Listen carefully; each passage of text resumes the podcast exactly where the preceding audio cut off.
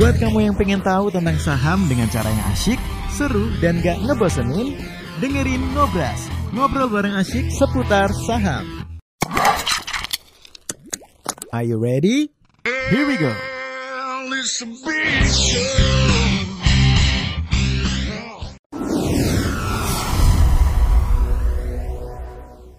Oke, sobat investor ketemu lagi di Radio Badan Saham radionya Investor Saham. Hari ini kita masuk di klinik pasar edisi 19 April 2021 yang masih bersama dengan Brokil dan ada juga Mas Wat Aljan Budiman. Oke, sebelum kita mulai ngobrol-ngobrol, kita sapa-sapa dulu sobat investor. Selamat sore Bapak-bapak, apa kabar? Sore. Waduh, semangat amat. Selamat sore Pak. Ini kayak positif pertama nih. Enggak, gue minta dinaikin, dinaikin sama dia. dinaikin cuma dinaikin doang, mungkin dinaikin gini. Wah, kacau emang. Biasalah ya. Oke, tetap semangat ya Bapak Ibu ya Dan buat teman investor yang udah join Langsung aja boleh WhatsApp di 081 877 Boleh via telepon ya Karena kita bakal ngobrol-ngobrol nih Atau mungkin sobat investor pengen ngobrol-ngobrol via Zoom Boleh tinggal aktifkan mic-nya Tapi sebelum ke sana kita update dulu untuk kondisi market kita nih hari ini sobat investor Seperti apa kondisi market kita Bro Gil? Oke. Nih Bapak Ibu, jadi sebelum kita masuk ke sesi selanjutnya Mungkin kita membahas dulu nih dari market kita pada hari ini. Jadi market kita pada hari ini ditutup minus 0,55% Dengan total transaksi sekitar 9,2 triliun nih. 9,2 triliun lebih rendah dari yang di penutupan di hari Jumat kemarin yang saya ingat saya sekitar 10-an triliun nih Bapak Ibu. Nah, kalau kita lihat dari indeks kita ini seperti yang seperti yang kita sempat bahas di hari-hari sebelumnya bahwa indeks kita konsolidasi nih, dia konsolidasi tapi dia selalu ketahan di area emas 100 nih Bapak Ibu.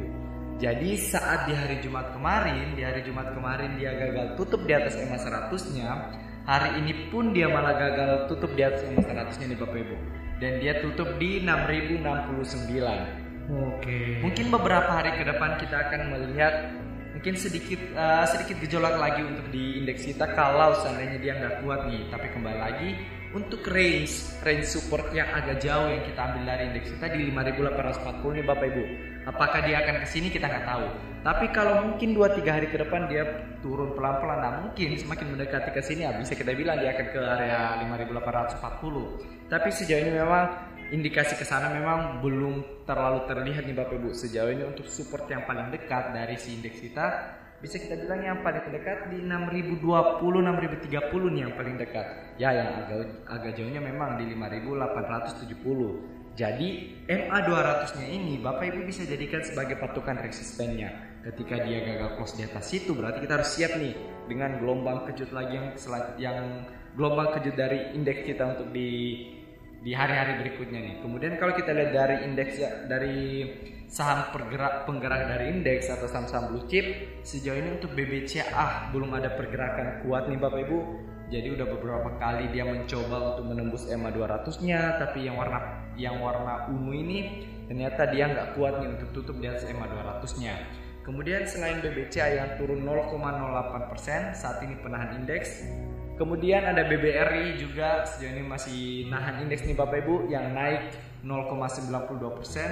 Hmm. Kemudian kalau kita lihat dari BMRI sejauh ini minus 1,19 persen, BBNI minus 1,26 persen, Unilever minus 0,40 persen, Telkom minus 0,60 persen, Astra juga sejauh ini minus 0,95% tapi saya ingat saya agak dalam ini sih Bapak Ibu anak baru nih si MTEK yang peringkat 9 lah kalau misalnya dari bobot indeks bobot terusan ini yang ke 9 ini turunnya memang cukup dalam nih 3,92% gimana yang ICBP ICBP sejauh ini juga nggak ada pergerakan lah kalau kita lihat. Jadi sejauh ini memang indeks kita mulai agak sedikit ada gelombang-gelombang kejutnya nih Bapak Ibu. Tapi kembali lagi selama dia masih ketahan di area supportnya, jadi kita ambil saja nih support yang agak lebih jauhnya di 5800 sampai 5840. Berarti momentum indeks masih kejaga. Kalau di bawah situ mulai nggak kejaga.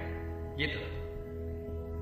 Ya jadi kalau misalnya kita lihat uh, masih polanya masih konsolidasi ya, ya masih sideways ya. Jadi belum ada pergerakan yang signifikan sejauh ini Terus juga kalau kita lihat juga beberapa penggerak indeks juga belum ada apa ya nggak ada sesuatu pergerakan yang besar juga ya nggak ada indikasi pergerakan besar juga. Jadi sejauh ini kalau kita lihat semua penggerak pasar kayak perbankan lah ya eh, saham-saham perbankan itu juga kita lihat eh, tidak ada perubahan pola ya. Masih kecenderungannya masih ketahan ya di area-area support kuatnya dan masih berindik masih ada indikasi masih ketahan lah Eh, belum ada kelanjutan untuk kalau misalnya mau turun lagi gitu loh Pak Ibu. jadi ini fasenya masih fase konsolidasi sejauh ini masih aman untuk IHSG-nya coba kita lihat untuk saham-sahamnya seperti apa ke depannya ya gitu.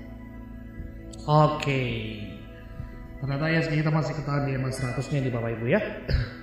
Belum tembus. Apakah besok saatnya dia tembus? Semoga ya. Semoga global juga mendukung. Oke, kita bakal ngobrol-ngobrol nih ya sama sobat investor yang ada di Zoom. Selamat sore semuanya Bapak Ibu. Ada yang pengen dicurhatkan atau diceritakan nih? Boleh di-share ke kita. Halo Bu Ririn, selamat sore Bu Ririn, apa kabar? Kok ketawa Bil? Padahal libur ini gak open mic, tiba-tiba langsung disodorkan.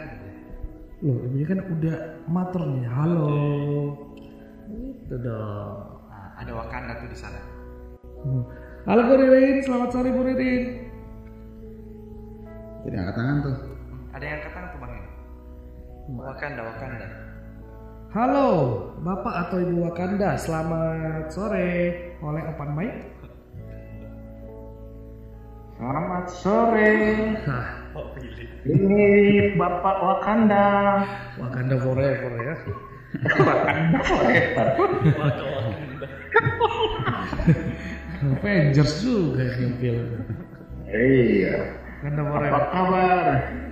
Baik, Baik, Pak. Om Philip. Selamat sore, Om Philip. Sore, mau nanya nih dok. Ah ini namanya dok dokter terus ah. Gak apa-apa, gak apa-apa. Apa yang mau tanya nih Pak sembuh. Dok itu di apa di eh, news panen saham Mhm. itu kan keluar news tuh Mhm. Tender, tender wajib saham Bank Harga Internasional ditawarkan harganya 160 rupiah per saham. Wih, Maksudnya apa ya? Coba sebentar Pak ya kita buka ya. Tadi saya juga sempat baca eh, ininya sebentar. sebentar. HAD, HHDI tadi ya. BBHI. BBHI. Iya, BBHI. Oh, iya, iya. Iya, kalau 160 mah bisa dihajar sama Bang Hendrik nih besok. Ciciu.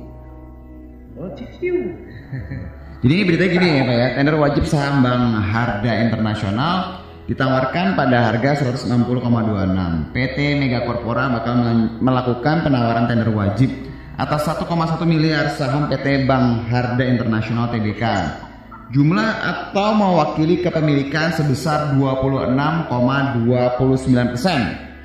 Adapun harga penawaran tender wajib ini sebesar 160,26 per saham. Alhasil total nilai penawaran tender wajib ini mencapai 176,28 miliar. Aksi ini dilakukan atas persetujuan rapat umum pemegang saham luar biasa pada 29 Januari 2021. Para pemegang saham BBHI menyetujui rencana pengambil alihan perusahaan oleh Mega Corpora atas 30,8 miliar saham atau sekitar 73,71 persen dari jumlah saham yang ditempatkan dan disetor dalam BBHI dari PT Hakim Putra Perkasa. Adapun nilai transaksi pengambil alihan saham ini sebesar 460,69 miliar. Lebih lanjut, periode penawaran tender wajib ini bakal dimulai pada 20 April dan akan berakhir pada 20 Mei 2021. Jadi, kalau misalnya tender wajib ini Pak, biasanya ini ada lanjutan dari aksi korporasi sih Pak. Jadi kalau misalnya eh, eh, apa, misal satu perusahaan nih dia diakuisisi, tapi nanti tuh biasanya ada syarat ketentuan berikutnya gitu ya, disertai nanti apa. Nah ini salah satu contohnya sih. Nah ini kalau misalnya dia wajib melakukan tender offer, jadi dia harus eh, apa ya, berarti menjual lah jumlah lembar saham yang disetujui Pak di harga yang sudah ditentukan. Nah ini masalahnya di pasarnya harganya 1525 Iya, kok jauh banget ya? Bisa drop dong besok ini. Kalau yang namanya tender offer atau misalnya eh, aksi korporasi ya biasanya eh, harga yang ditentukan itu eh, mereka ada dasarnya lah harga ditentukan ada dasarnya pak. Jadi apakah bisa nanti mengarah ke harga itu saya nggak tahu. Tapi kalau kita lihat misal di sini ini rasionya berapa ya ini indikasinya? Ini kalau dirasioin mungkin berapa jumlah lembar sana si BPH itu? Sebenarnya kalau misalnya ke angka 160 sih enggak ya, Eh, harusnya sih enggak. Cuma dia turun mendekati harga eh, apa ya, teoritisnya lah ibaratnya Pak setelah eh, penawaran umum tuh bisa ke arah sana gitu Pak. 4,1 miliar. Satu miliar ya, satu koma satu, satu miliar empat, satu miliar empat. Oh iya iya, ya agak jauh sih sebenarnya. Iya ya. Harganya agak jauh sih, harganya mah agak jauh. Cuma baik lagi, ini besok ya kali ini. Tapi ini beritanya keluarnya tadi. ARB 10 kali. Nah tapi berita ini keluar siang kok Pak. Jadi kalau misalnya seandainya berita ini salah satu yang ibaratnya secara tanda kutip bikin takut pasar gitu ibaratnya ya, harusnya sih tadi udah ARB sih harusnya gitu. Karena kalau misalnya yang namanya tender offer itu terkadang kalau kita bisa uh, suatu emiten habis melakukan aksi korporasi, ya habis nanti ada lanjutannya di tender offer itu sebenarnya suatu hal yang wajar sih Pak, bukan suatu hal yang eh, apa ya eh, apa ya imbasnya negatif itu enggak sih. Jadi karena ini memang ada lanjutan dari aksi korporasinya gitu. Jadi misalnya suatu perusahaan boleh diakuisisi tapi nanti harus lepas sekian ya supaya kepemilikan di masyarakat tetap terjaga atau misalnya apa itu itu itu normal sih sebenarnya di dilakukan sama emiten sih Pak. Cuma kalau misalnya pertanyaan bisa nggak? Harganya malah naik nih, plus 5, hampir 6 persen. Iya, jadi makanya tadi seperti saya bilang eh, belum tentu dia akan ke harga 160-nya gitu, Pak. Belum tentu, belum tentu. Jadi eh, harusnya sih nggak nggak sampai ke sana sih. Kalau toh pun turun, turunnya paling ke harga ya rasionya berapa, harga tender offernya berapa, paling turunnya eh, harga teoritisnya sih paling Pak. Paling gitu sih Pak Philip. Saya juga lalu pernah Pak Philip waktu pas Same, Oh. jadi dari MTek itu ada tawarkan tuh untuk tender offer dari Same, kalau saya nggak salah waktu itu harganya Same 350, mereka mau tender offer di 200-an kalau saya nggak salah, kemudian saya di email tuh, apakah mau dibeli saham saya di harga 290-an, 200-an itu? Saya nggak mau, jadi saya nggak balas emailnya, tapi setelah itu sahamnya juga nggak turun ke 290-an itu tuh Pak Philip, jadi biasa-biasa aja dia nggak geraknya juga nggak signifikan Ya, kalau ke bawah. kalau itu sih deket ya selisihnya nggak terlalu jauh ya kayak seperti stock split gitu kali ya. Tapi ini eh yang di realnya seribuan lebih cuma 160 perak. Oh kalau yang Sami waktu itu bukan stock split Pak, tapi tender offer juga. Tender offer Iya, juga. tender offer, tapi kan selisihnya nggak terlalu jauh dari 300-an dari 260 gitu ya. Hmm, hmm, Kalau hmm. ini kan 1400 sampai 1000 eh sampai 160 kan berapa ribu seribu seribu persen hampir lebih. Hmm, hmm. Makanya saya bingung nih. Eh, baik lagi sih Pak. posisi Bapak ada posisi? Nggak ada. Oh, Oke. Sebenarnya kalau Cuma kaget, kaget aja gitu. Aha. Oke, ini kan bisa saya mau siapin jual-jual baju di lemari, mau beli ini satu puluh rupiah. Cuma kan belum belum tentu Pak harganya ke angka 160 saya ambil contoh misalnya gini eh, waktu pas eh, bris dia bris dia waktu itu kan juga ditawarkan kan kalau misalnya ada yang nggak setuju eh, dibeli bris di harga eh, 700 pada saat itu. Waktu itu brisnya harganya udah 2000 lebih ya hampir 3000 seingat saya. Ya, eh, tinggal pilih mau, mau mau dibeli di harga itu atau misalnya ya udah ditahan aja sahamnya. Tapi pada saat ini sampai dengan sekarang harga itu juga nggak ke arah sana Pak. Jadi sebenarnya harga aksi korporasi itu bukan berarti langsung tercermin dalam beberapa hari ke depan. Gitu. Jadi jadi biasanya pasar tuh akan mencari tahu dulu sih ke depannya akan seperti apa. Terus nanti misalnya dengan aksi korporasi ini ke depannya nanti perusahaan ini eh, imbas ke ekspansinya akan seperti apa. Nanti kira-kira pengaruh ke valuasi seperti apa baru nanti pasar merespon sih pak. Jadi kalau lihat nggak serta merta langsung dia wah RB RB RB 160 sih sepertinya sih enggak ya kalau dilihat dari keadaan pasar karena ini saya lihat berita ini kita rilis jam 2an kurang ini kan berita sebenarnya sebelum jam 2 pasti udah, udah muncul dong di media tapi eh, pasar tidak ada respon apa apa sih kalau kita lihat gitu pak gitu ya. Ini Yes. berarti dia diambil sama itu ya, Bang Mega ya, eh apa Mega Corp ya, Iya Megacorp. sama CT ya. Ya betul Pak. ya apa ini kita lihat. Terus gina, ke depannya gimana menurut penerawangan dokter? Oke, jadi jadi dia se- sebenarnya dia mau ambil yang Bank Harda ini Pak, dia mau buat yang namanya kelompok bank usaha, atau kelompok bank KUB, kelompok umum bank lah, kelompok usaha bank. Jadi nanti itu yang untuk yang Bank Harda ini dia akan di, dibuat dalam satu kelompok dengan yang namanya Bank Mega Pak. Jadi Bank Mega nanti yang ibaratnya ibaratnya jadi jadi pengawasnya untuk yang bank-bank kecil ini Pak. Salah satunya adalah Bank Harda. Ada dua lagi tuh kalau sa- kalau saya nggak salah ingat saya agak lupa yang dua itu apa. Cuma nanti Bang yang Bang Megan ini akan jadi jadi pengawasnya lah untuk yang ketiganya ini. gitu. Nah, itu jadi holdingnya ya. Ya, kayak kayak seperti itulah Pak mungkin nanti. Terus yang sengaja mereka mau ambil yang bank ini karena mau ke digitalisasi Pak. Jadi kalau di OJK itu kan mereka bilang bahwa misalnya bank-bank kecil itu untuk supaya memenuhi yang modal inti itu misalnya mau ke bank digital satu misalnya memang bank digital yang sudah yang yang dari bank biasa mau dijadikan bank digital itu ada syaratnya tertentu. Kemudian juga kalau misalnya dari yang bank belum ada bank kemudian baru menjadi bank digital itu ada syaratnya tertentu tuh Pak. Tapi yang agak lebih ringan kalau misalnya mau menjadi bank digital yaitu dia dia harus kayak me- memberikan diri untuk diakuisisi Pak. Memberikan diri untuk diakuisisi jadi si Bank Harda ini dia dalam tanda kutip memberikan diri untuk diakuisisi sama yang mega korporat ini Pak gitu jadi nanti istilahnya kalau untuk modal intinya nanti ditanggung lah sama yang namanya mega korporat eh, mega korporat ini pak gitu tuh pak Oh, nah gitu ya. yes Oke lah. Kalau begitu. Nggak ada posisi Pak ya? Oh, iya, itu aja. Makasih dok. Yes Pak, sama-sama. Thank you Pak Philip. Lanjut lanjut. Terima kasih Pak Philip. Oke, di sana ada Pak Philip tadi ya sebagai investor ya. Mau Waka bertanya? Wakanda. Oh, bakal bakal Wah, Wakanda forever. Terima kasih Pak. Waka Wakanda. Oke, lanjut nih sobat investor ya. Ada yang pengen sharing-sharing ngobrol-ngobrol, boleh langsung di open mic ya. Selamat sore.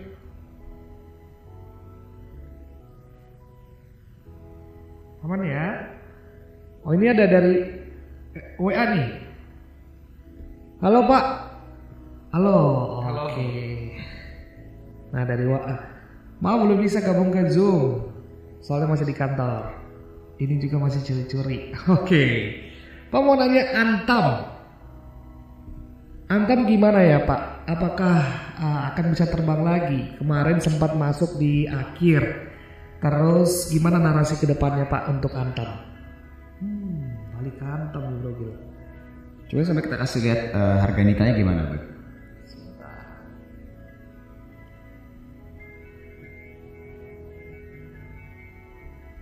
Persia. ya coba kita lihat harga nikel Oke, sejauh ini harga nikel ini masih minus tipis nih Bapak Ibu. Jadi untuk yang harga ni- nikel minus 0,02 persen nih. So, kalau kita lihat secara chartnya, karena seingat saya dia itu masih agak-agak area konsolidasi di area 16 tuh. Kalau seandainya dia masih di area 16, itu berarti memang momentumnya masih kejaga nih. Cuma kalau dia udah di bawah area 16, ini secara harga nikel itu udah kurang oke sebenarnya. Coba kita lihat dulu untuk chartnya supaya kita ada gambaran ya Bapak Ibu. Mhm. Oke, nah. Yes. Nah, kalau ibu, bapak ibu perhatikan yang di layar, di layar kaca itu uh, untuk yang harga yang harga nikel, harga nikel itu dia masih konsolidasi nih bapak ibu. Jadi dia konsolidasi itu range-nya di area 15.800 sampai di 16.800. Jadi ada 1000 tuh untuk selisihnya. Jadi kalau dia masih masih kejaga nih, masih konsolidasi di area 15.800 untuk area supportnya masih aman nih bapak ibu. Sedangkan kalau dia udah mulai break di bawah 15.800, ini yang sebenarnya kurang bagus untuk harga nikel sendiri. Dan kembali lagi, kalau seandainya ternyata beberapa hari ke depan, kemungkinan kita akan melihat dia turun mungkin 5.000 15.800, kemudian dia naik ke 16.800, turun lagi, dia akan konsolidasi di area-area itu. Selama dia masih ke konsolidasi di area itu, dia masih kejaga di area itu, berarti momentumnya masih kejaga nih Bapak Ibu. Konsolidasinya masih konsolidasi yang aman-aman saja nih. Nah, kembali kalau kita lihat dari harga Antam tadi, dari harga saham Antam juga mirip-mirip dengan nikel tadi ya, dia masih konsolidasi juga sejak bulan 3. Sejak bulan 3 dia memang konsolidasi nih. Nah, kalau misalnya Bapak Ibu ingat yang sempat kita bahas itu area resisten dari si Antam itu 2500 area dari resistensi Antam itu 2500 kalau seandainya dia belum berhasil break di atas 2500 belum berhasil tutup di atas 2500 berarti dia kita akan lihat dia masih akan konsolidasi dalam beberapa hari ke depan nih. Jadi trigger supaya dia ya mungkin ke berapa tadi ke 3000 atau ke berapa kita nggak tahu kecuali dia tembus di atas 2600 dulu nih 2500 dulu nih Bapak Ibu. Jadi selama masih di bawah situ range untuk konsolidasinya si Antam yang masih sehat kita lihat ini di 2000 2170 sampai di 2500 Bapak Ibu. Jadi di area itu saja nih untuk beberapa hari ke depan yang akan kita lihat. Tergantung area mana nih yang akan untuk ditembus untuk si Antam. Apakah resist- resistennya di 2500 atau malah supportnya nih di 2170. Hmm. Gitu. Antara dua berarti posisi sekarang tengah-tengah nih bro. Tengah-tengah dia memang.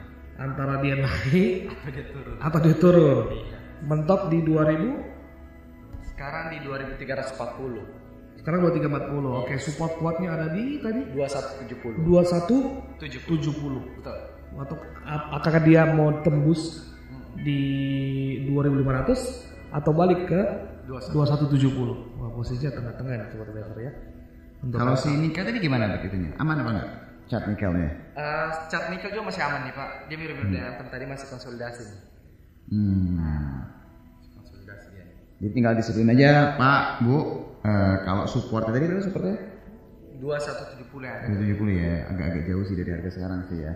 Itu jadi support kuatnya tuh yang harus diperhatiin sih. Supaya nggak berubah lagi nanti. Kalau tiba-tiba dia break itu ya berubah ceritanya. Oke. Siap. Semoga bisa membantu ya Pak ya. Lanjut ini Pak Andre. Selamat sore Pak. Maaf belum bisa online di Zoom karena sambil meeting di kantor. Mau tanya BBTN ya tadi malam ikut screening sama bos melalui tabel sakti. Memang sakti benar oi asik.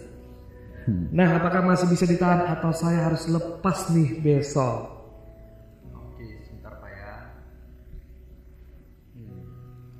Eh, gini Pak, kalau untuk dari si BBTN, kalau boleh tahu Pak di harga berapa dulu nih Pak untuk masuknya nih Pak? Kalau misalnya Bapak masuknya di harga di harga 16, itu adalah area supportnya nih Pak. Jadi untuk gampangnya, ini area support dari si BBTN ini di EMA 200-nya nih yang warna ungu ini nih. Jadi selama dia masih terjaga di EMA 200-nya ini memang masih aman-aman saja nih Pak. Cuma kembali lagi karena saham BBTN ini lagi dalam fase downtrend, lagi dalam fase downtrend, itu jangan sampai kita kayak sedikit lengah nih Pak. Takutnya dari profitnya tadi tiba-tiba berubah jadi loss. Karena kalau saham lagi downtrend itu perubahan perubahan dari profit ya? jadi loss itu bisa cepat tuh Pak. Hmm. Jadi memang harus dibatasi nih, harus dibatasi resikonya maksudnya untuk taking profitnya di area berapa kalau seandainya nggak bergeraknya nggak sesuai rencana nih. Jadi tinggal bawa perhatikan nih untuk area area support paling dekat dari si BBTN ini di area di 1630 Pak. Itu yang paling dekat. Soalnya kalau dia udah di bawah 1630 itu takutnya dia malah ke ke 15 1590 sampai di 16 Pak gitu jadi mungkin mungkin ke depannya bapak tinggal perhatikan nih selama dia kejaga di 1630 masih aman kalau seandainya dia besok dia berhasil tutup di atas 1680 bapak tahan aja pak sejauh ini masih aman lagi kalau seandainya dia di atas 1680 gitu pak Ini harus juga ada korelasi sama hasil rapat eh, Dewan Gubernur Bank Indonesia sih, Pak. Iya, besok sih Hmm, hasilnya sih besok. Jadi sejauh ini kalau misalnya dilihat eh, ekspektasinya sih harusnya nggak ada kenaikan suku bunga pak. Jadi kalau misalnya suku bunga acuan ya maksudnya ya. Jadi kalau misalnya suku bunga acuannya itu eh, kita lihat eh, dia misalnya seandainya naik itu pasti biasanya eh, itu itu harusnya kan bikin pasarnya agak kaget sih. Eh, nggak bagus sebenarnya. Kalau diturunkan juga nggak bagus juga. Jadi harusnya Bank Indonesia itu akan menjaga suku bunganya itu nggak naik nggak turun. Eh, jadi reverse repo rate-nya itu harusnya di kisaran eh, yang ke sekarang. Jadi dengan nggak ada kenaikan sama sekali atau nggak ada penurunan itu harusnya akan menjadi positif sih buat perbankan dalam jangka pendek ya kalau berdasarkan dari sisi si efek itu sendiri. Nah kalau si BTN sendiri dengan apa ya berangsur pulihnya pasar properti harusnya juga dia akan kena imbas juga pak. Harusnya harusnya juga akan kena imbas juga. Jadi tadi sebenarnya kata Gilbert eh, cuma kalau ngomongin dari sisi momen- momentum kalau yang namanya saham dia itu lagi downtrend dia itu bisa tiba-tiba berubah secara signifikan tuh bahwa dari untung tiba-tiba jadi rugi gitu ya. Itu kalau lagi saham lagi downtrend jadi agak hati-hati aja pak. Support yang tadi Gilbert bilang gitu paling dekat 1630 16.30 ya support terdekatnya ya. Oh itu buat jaga momentumnya ya, supaya dia nggak bikin dari rendah lagi ya. Itu pak yang harus jagain pak BTN-nya pak. Itu pak, pak Andre ya. Pak Andre. Oke, ini ada dari Depok nih ada Mujan. Yang selamat pagi bang. Maaf lagi di kantor pakai headset. Oke, belum pulang nih Bang Jan. Bang Jan. Wah, oke, lagi siap-siap ya. Mau tanya dong. Ah, ini saya lagi nge-swing nih ada beberapa saham ya. Sekitar ada empat saham yang yang saya swing. Kira-kira kira-kira gimana Bro Gil untuk menahan saham ini? Apakah masih oke?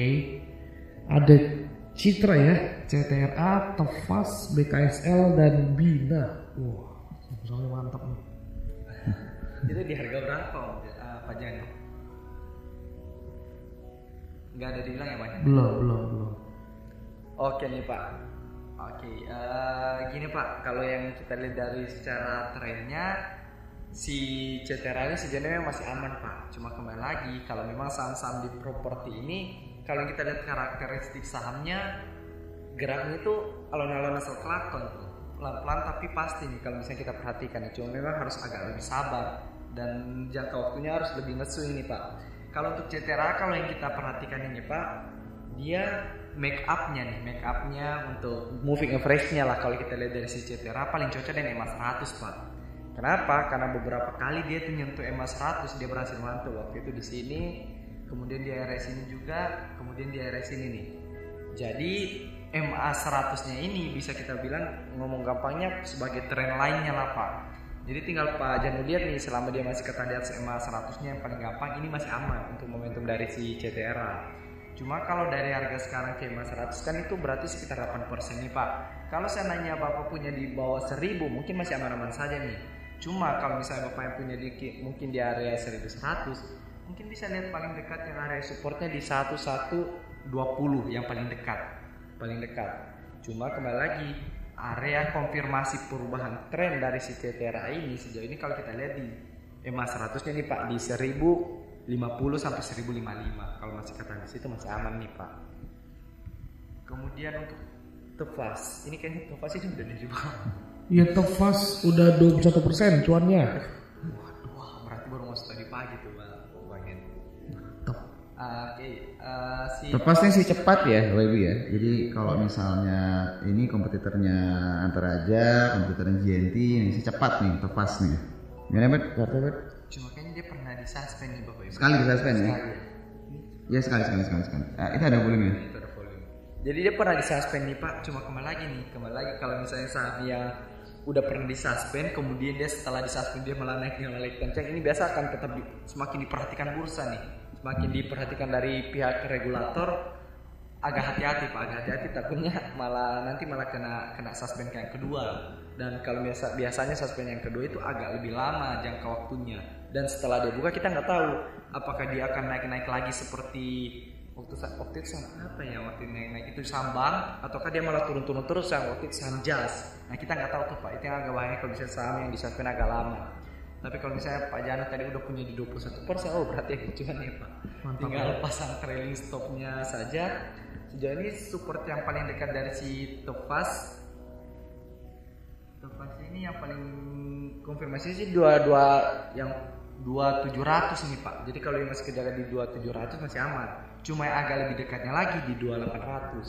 Jadi dua tujuh ratus sampai dua delapan ratus itu yang harus dijaga pak untuk yang si Topaz ini pak. Happy cuan pak.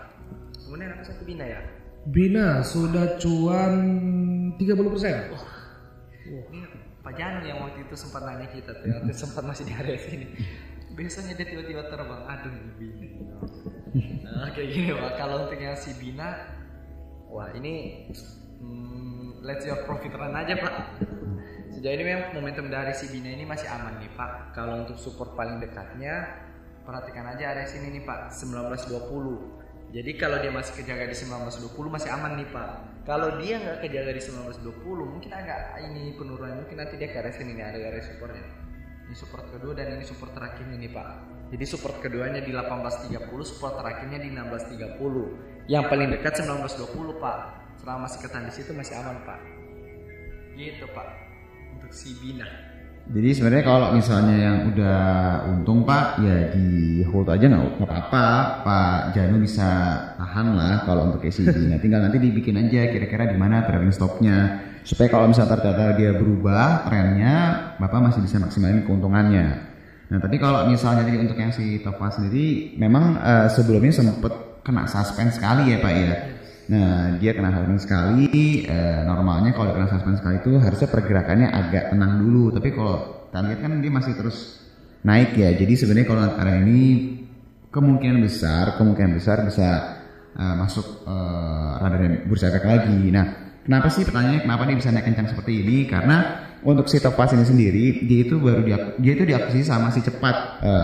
Buat mungkin beberapa ibu di luar sana yang mungkin yang mencari tahu kenapa ya dia bisa diakuisisi sama si cepat. Itu saya pun juga baru tahu tuh waktu itu pas ngobrol-ngobrol di warung kopi. Dia diakuisisi Januari ini gitu. Dan eh, kalau misalnya diakuisisi mungkin mungkin ya mungkin eh, dari sisi cepatnya dia jalur IPO-nya mungkin nggak IPO tapi mungkin backward listing gitu. Jadi dia ambil nanti mungkin berubah namanya gitu. Jadi jadi itu yang mungkin menjadi salah satu indikasi kenapa kok si naik kencang banget gitu meskipun kalau da- dari sisi eh, value-nya transaksinya ya itu mungkin bisa dibilang eh, sahamnya nggak terlalu liquid Bapak Ibu jadi agak hati-hati sih sebenarnya Pak jadi juga agak hati-hati lah Eh, kalau udah untung ya direalisasikan kalau misalnya mau ditahan ya silahkan Oke. Nah satu lagi Brokil ketinggalan B, eh, si BKSL baru masuk hari ini Brokil. Wah. Di harga berapa pak? Gini pak kalau untuk yang si BKSL ini kan dia baru yang baru bangun dari lima pu- baru bangun dari tidurnya nih pak. Dia beberapa kali waktu itu dia bangun dari tidurnya di bulan 12 dia bangun dari tidurnya kemudian tidur lagi nih pak. Tidur lagi dia bangun lagi bangun lagi tidur lagi jadi memang area pergerakannya kayaknya dia suka bermain di area 50 nih pak. Jadi 50 beberapa hari kemudian dia bangun dia tidur lagi bangun tidur lagi nih pak. Karena tadi ada berita dia tuh udah jual jual satu mallnya ya pak ya. Yang- Iya, jadi dia itu Iron Mall. Dia itu sebentar BKSL tuh beritanya tadi sebentar. Jadi dia jual Iron Mall Sentul senilai 1,9 T. Jadi dijual tanah dan bangunan Iron Mall Sentul City kepada PT Iron Mall Indonesia pada 15 April kemarin. Nilai transaksi itu 1,9 triliun. Cuma yang jadi masalah adalah tadi waktu pas naik kencang beritanya keluar. Berarti kan sudah price in meskipun kalau kita lihat sebenarnya dari sisi berita ini yang menarik adalah si BKSL itu jadi punya cash sih. Ya karena di sini eh, apa eh, nilai transaksi itu 1,9 t. Lagi pakai ATM nggak, Bu? nah coba kita lihat eh, neracanya si BKSL berapa terakhir. Harusnya dengan transaksi ini dia jadi dapat tambahan cash. Cuma yang jadi masalah pas dia naik kencang tadi sempat 62 saya ingat saya. Beritanya keluar. Oh, berarti udah terefleksi nih harusnya nih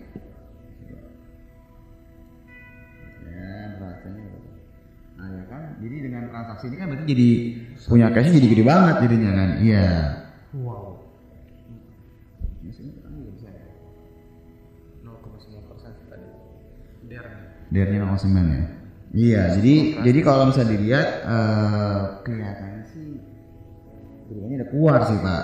Biasanya kalau udah keluar itu kecenderungannya momentumnya tuh agak rendah kecuali dia ada cerita lain lagi, misalnya entah dia pembayaran apa lagi gitu misalnya ya atau mungkin aksi korporasi mungkin ceritanya beda. Tapi kalau lihat ini beritanya udah rilis jadi biasanya kalau berita udah rilis tuh udah terrefleksi Pak. Dari berita ini ya, dari berita ini ya. Iya benar pak. Gitu. Nah kalau dari teknikal ini pak dia sebenarnya udah udah capai target sini pak. Kalau kita coba Resistance ya. di sini kan ada resistennya nih pak di area resistennya itu di sekitar 56. Nah kalau kita coba tarik nih garis dari bawah ini sebenarnya udah capai target nih pak. Udah mirip udah. Udah udah udah mirip udah pas banget nih di 62 memang untuk yang titik highestnya nih pak. Jadi untuk support dari si BKSL ini 56 pak. Kalau dia masih kejaga di 56 masih oke berat sejauh ini. Kalau dia di bawah 56, nah takut lagi pak kalau dia seandainya ke 50 pak. Itu yang agak kita sedikit khawatirkan pak. Gitu pak Jani. Oke, supportnya berarti di area 56. di mana? Kalau dia break di bawah 56, Takutnya malah ke bawah. Agak takutnya malah ke 50 ya. Malah tidur lagi dia. Oke, mantap iya pak. Soalnya beli BKSL karena habis jualan mall. Wah asik, asik, asik, asik, asik. Habis Jadi jual. ada price in ceritanya kalau ini bertanya Pak. Agak hati-hati sih. Oke, tadi pas buy di 56 pula. Oke, siap. Pak, kalau Mika gimana Om? Ada Bapak Wakanda juga ya? Mika. Thank you sama-sama Pak Janu. Oke Pak, kalau misalnya kita lihat dari teknikalnya dari yang si Mika ini sejauh ini memang momentumnya masih kejaga Pak. Cuma kembali lagi saham yang kayak Mika ini agak susah yang kita ekspektasikan untuk dia naik kencang dalam dalam sehari ini agak susah nih Pak. Apalagi kalau kita lihat ini konsolidasi, dia mulai konsolidasi nih. Dia perlahan-perlahan udah mulai konsolidasi dan ketahan di satu area tertentu. Areanya itu adalah MA 200-nya nih. Jadi memang gampang kali misalnya kalau kita mau lihat resikonya, resikonya di MA 200 dan pas sekali di harga penutupannya sekarang di 2580 sampai 2590 nih. Jadi selama dia masih konsolidasi ini, di selama dia masih konsolidasi di area sini masih aman-aman saja sih Pak untuk yang si Mika ini. Cuma kalau dia udah break di bawah MA 200-nya ini kurang oke sebenarnya untuk si Mika. Walaupun kita lihat memang secara tren ini masih sangat oke nih. Masih uptrendnya masih uptrend kuat nih untuk yang si Mika nih Pak. Gitu jadi agak lebih cocok memang untuk agak nge-swing sih untuk yang si Mika. Swing ya? Ya. Mika untuk swing. Oke, ini ada ibu. Wah, selamat sore bapak-bapak. Maaf, lagi di busway. Oke bu, mau nanya dong pak. Tadi sempat trading di IRA, sudah cuan tadi cuma 4%, eh kabur malah naik lagi. Kira-kira besok bisa dikejar lagi nggak ya? Untuk nahan lebih lama deh biar cuannya lebih banyak.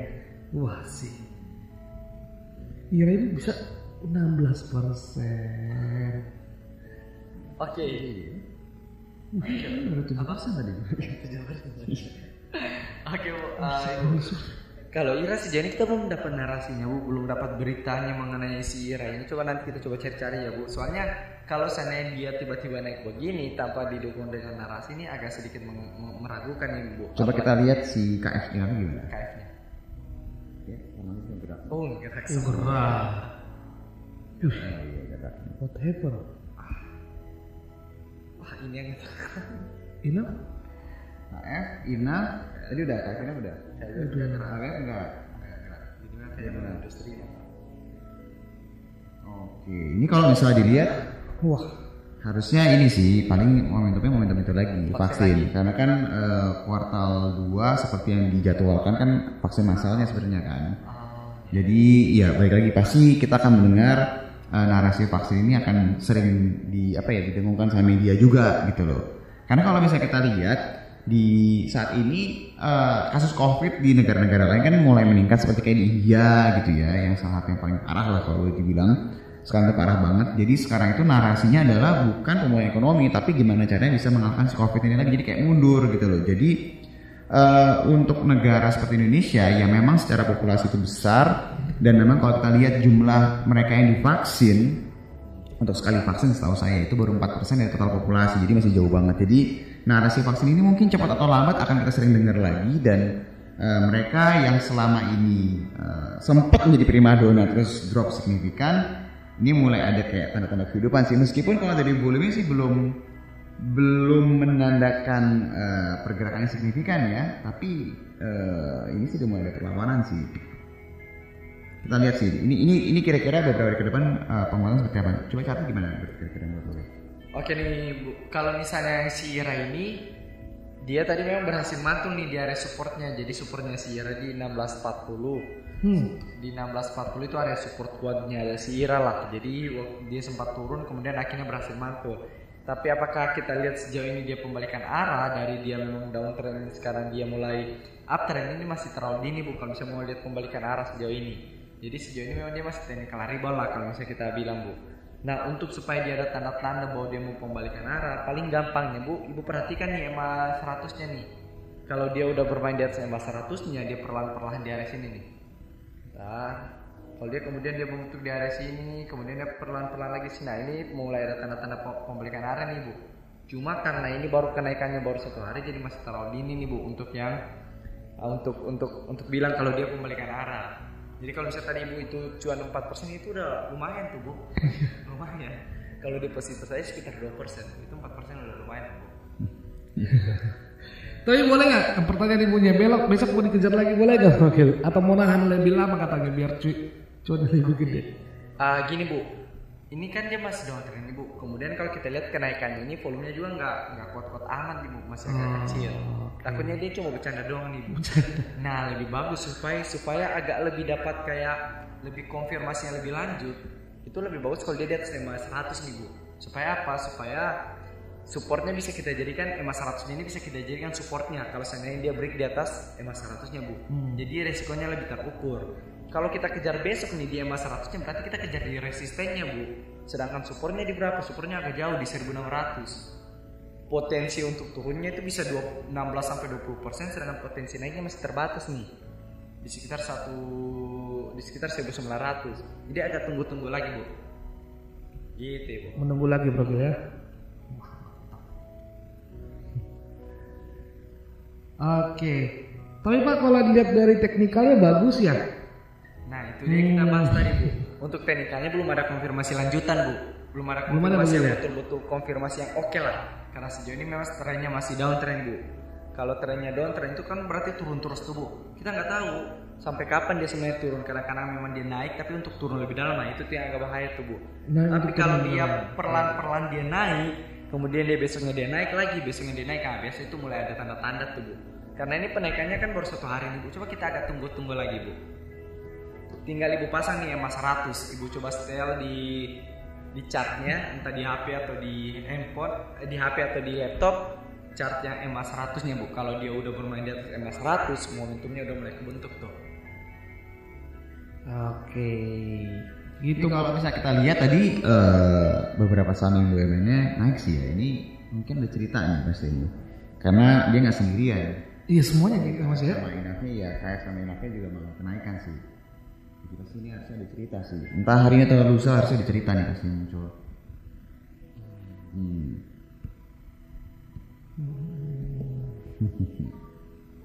Kompak semua masalahnya. dirimu ikut yang mana tadi Pak? Enggak lah. Nggak mungkin bisanya terlewatkan yang begini-begini ya. Gue kan gue kan senahan. gua. Oke, ada lagi Bapak Ibu yang pengen ngobrol? Langsung aja. Siapa nih? Selamat sore. Selamat sore. Ada yang dari Instagram. Halo. Saham era Pak. Saham era. Kenapa dengan saham era Pak? Karena koreksi kali ya. Iya Ah, koreksi sama siapa nggak mobil? Iya, sejauh ini koreksinya koreksi sehat sih. Udah capek banget sih dia di Mana? 670. Ini nih. Udah, iya sejauh ini masih koreksi sehat sih Pak. Coba kita lihat yang weekly-nya nih. Oke. Oke Pak, jadi gini Pak, kalau untuk yang si era ini satu dia ada satu resisten kuat nih Pak di area 700. Jadi kalau saya Bapak perhatikan yang di chart weekly itu di area 700 itu resisten yang sangat kuat nih. Kenapa? Itu penentuannya Pak. Dia sekali dia break itu 700, dia akan membentuk all time high. Kembali lagi kalau saham break all time high itu kan nggak ada resisten tuh Pak. Jadi dia naiknya itu bisa lebih lebih agresif lah kalau misalnya kenaikannya misalnya udah nggak ada resisten lagi nih. Cuma PR-nya adalah selama dia belum menyentuh selama dia belum menembus ini emas tu- eh, angka 700-nya ini cenderung dia akan perlawanan dulu nih Pak. Akan banyak perlawanan. Jadi kemungkinan dia akan turun dulu koreksi dulu. Nah kita tinggal perhatikan nih untuk yang si er- era. Ya, Pak. era selama dia koreksi dia masih ketahan di atas 580 580 jadi sekitar 5 persenan 4-5 persen dari sekarang. Ini momentumnya masih kejaga nih Pak. Jadi kuncinya saya di 580 nih Pak. Jadi potensi untuk dia ke 700 itu masih besar cuma kalau 580 ini dia break di bawah 580 ini agak bahaya nih Pak takutnya takutnya dia malah ke 500 Pak Nah, jadi dua support ini yang memang harus dijaga. Untuk dia bilang bahwa dia masih koreksi sehat itu 58 580. Di bawah 580 tinggal di buyback lagi nih di sekitar 500-an. Oke. Itu Pak aplikasi ya. Terakhir nih, tambahan dari ibunya tadi Bro Gil. Maaf Pak, mau nambah dong. Boleh Bu. Untuk BRIS. Gimana Pak? Tadi saya masuk di akhir nih, di 2460. Gimana Pak menurut Bapak besok saham BRIS?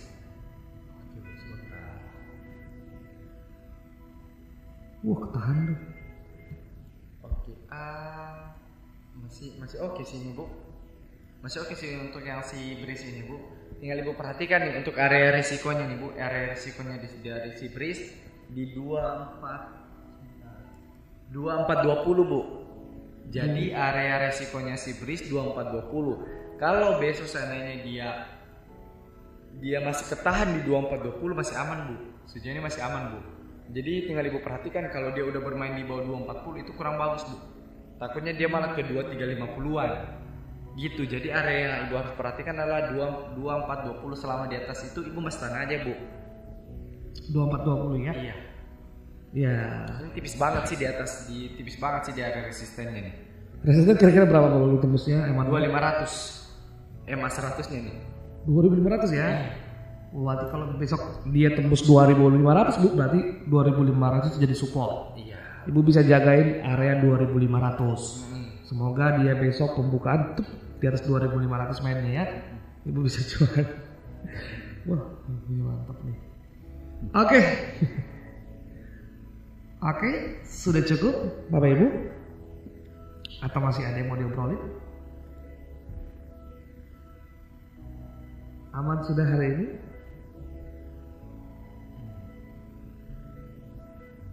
Aman ya?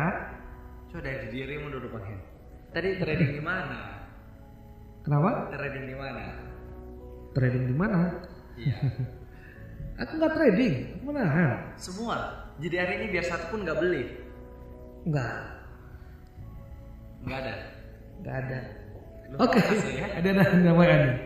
Selamat sore Pak, dari Om Andi. Halo Andi, selamat sore Om Andi. Pak, saya tadi masuk Indi di akhir juga Pak. Hehehe. Gimana kira-kira Pak untuk Indi? Oke. Oke, gini Pak, kalau untuk yang si Indi Masuk di last time last time. Berapa itu Indi? orang. Oke, eh, sejauh ini sebenarnya dia masih masih konsolidasi nih Pak. Jadi kalau saya bapak perhatikan yang di zoom, ini saya coba buat kotak nih area konsolidasinya si Indi. Nah ini nih yang kotak biru ini nih Pak. Jadi dia masih konsolidasi di area 1370 nih Pak, area supportnya. Kalau dia masih kejaga di 1370 masih aman Pak. Cuma kalau misalnya bapaknya pengen untuk agak trading jangka cepat, coba kita lihat yang chart lebih pendek. Oke, chart lebih pendeknya ini area supportnya di 1450 sih Pak. Kalau yang chart 5 menit nih, ini 1450 yang paling dekat. Kalau dia masih kejaga situ masih aman Pak. Cuma kalau dia di bawah sih takutnya nih Pak, takutnya dia malah ke 1430. Ya. Gitu tuh Pak untuk yang si Indi nih. Nah ini nih area support keduanya. Paling dekatnya di 1450 Pak. Itu terdekatnya ya. Iya.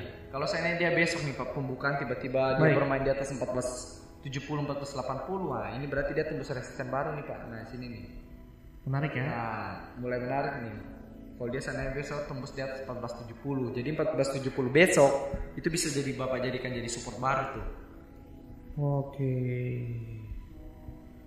1470 Pak. main, iya Pak, main pucuk. Aduh. yes, itu untuk ini ada lagi Bapak Ibu. Aman? Bang, oke. Om Mulia Agung. Bang, Agi gimana ya bang? Saya juga main di pucuk nih. Wah, pada main di pucuk nih. Tadi masuk di 1160.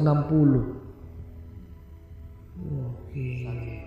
Oke nih Pak. Ah, gini Pak kalau untuk yang si Agi area resistennya sih tadi Pak yang itu berapa ya? Resistennya 1 2 10 nih Pak untuk yang si Agi. Di MA 100-nya nih Pak. Sejauh ini pergerakannya kalau misalnya kita bilang aman masih aman sih Pak. Kenapa? Karena dia ketahan di area support nih. Jadi kalau saya bapak perhatikan yang chart 60 menit nih yang saya buka, ini pas nih di area supportnya yang si Agi di 1330 nih Pak. Jadi selama dia masih ketahan di 1330 Pak masih aman nih Pak. Masih aman. Jadi Bapak tahan aja Pak kalau dia masih ketahan di 1330. Area untuk dia triggernya supaya dia naik itu 1220 Pak. Jadi kayak tadi kalau di yang daily tadi ada EMA 100-nya nih Pak. Iya. Di 1210 sampai 1220. Dia break di atas 1220 tutup di atas itu Bapak tahan aja nih Pak. Gitu, tapi resikonya kembali lagi yang harus dibatasi. Selama dia masih kejaga di 1130 berarti masih aman untuk momentumnya Pak. koreksinya masih koreksi sehat saja ini. Mantap. Ada Om Jino di sana. Harum Bang Hen. Tadi masuk di penutupan. Masuk di penutupan ya. Harum itu bergerak di nikel dan batu bara bukan brogil. Dua-duanya sebenarnya. Karena dia kan dia bisnis utamanya sebenarnya batu bara, tapi belakangan ini dia udah mulai ada kepemilikan saham di perusahaan-perusahaan nikel. Jadi dia akan ada kontribusi itu pendapatan kalau misalnya Bapak Ibu buka itu kontribusi pendapatan lain-lain itu dari yang hasil dari inilah penyertaan sahamnya lah. Kalau kita lihat untuk dari chartnya si Harum belakangan ini kita lihat dia karakteristiknya udah mulai mirip dengan chart nikel nih Pak. Jadi kalau kita lihat begini chartnya si Harum, kita buka chart nikel. Nah, chart nikel seperti ini nih. Mirip-mirip mereka nih. Nah naik kemudian mulai naik turun signifikan kemudian konsolidasi. Jadi memang lebih mirip dengan chart chart chart nikel sih kalau yang si Harum ini kalau kita lihat nih Pak. Nah sejauh ini pergerakannya dari si Harum jujur belum ada pergerakan-pergerakan signifikan sih cuma dia memang mulai agak konsolidasi nih. Empat hari belakangan dia memang ketahan di satu area nih 4880. Nah, selama dia masih ketahan di situ masih aman nih untuk yang si Harum. Apalagi juga dia men- udah mulai ada dekat-dekat dengan EMA 100-nya nih di 46 4650 sampai di 47 48 ya 4750. Jadi kalau dia masih kejaga di situ masih aman nih, Pak. Untuk si Harum. Gitu, Pak. Oke, berarti kalau nikelnya naik, eh, dia lebih banyak porsinya nikelnya batu bara bro? Bisnis utamanya memang di batu bara. Kontribusi kayaknya udah mulai hampir hampir ini dia. Mungkin hampir Nikelnya nggak banyak. mulai mulai banyak nih nikelnya memang. Oke. Berarti kalau dia berpengaruh sama pergerakan komoditas nikel juga ya? Sekarang sih kalau kita lihat karakteristiknya lebih ke nikel Oh iya. pergerakannya. Kan tadi yang kita lihat chartnya itu udah mirip-mirip ya. nikel. Naik langsung turun Naik, lagi naik. Untuk sa- langsung satu ya. Iya. Nikelnya satu dia juga satu. Oke. Mantap. Gitu Om Zino. Oke. Aman Bapak Ibu? Oke, thank you sama-sama Om Zino. Oke, sepertinya pas banget nih satu jam sobat investor. Aman ya. Thank you. Bro Gil, thank you Mas Mat alias Ya, sama-sama. Makasih Bang, sama-sama Pak. Oke, besok kita di ketemu lagi ya sobat investor ya di jam dan waktu yang sama untuk lini pasar. Dan untuk informasi selanjutnya nanti akan kita kabarin ya. Terima kasih buat sore hari ini tetap semangat untuk menjalani ibadah puasanya ya. Dan buat yang lagi di jalan hati-hati tetap menjalani protokol kesehatan, pakai masker, menjaga jarak dan mencuci tangan. Selamat sore, selamat beraktivitas dan selamat beristirahat. Bye bye. Kamu baru aja dengerin Ngobras, ngobrol bareng asyik seputar saham. See you to the next episode.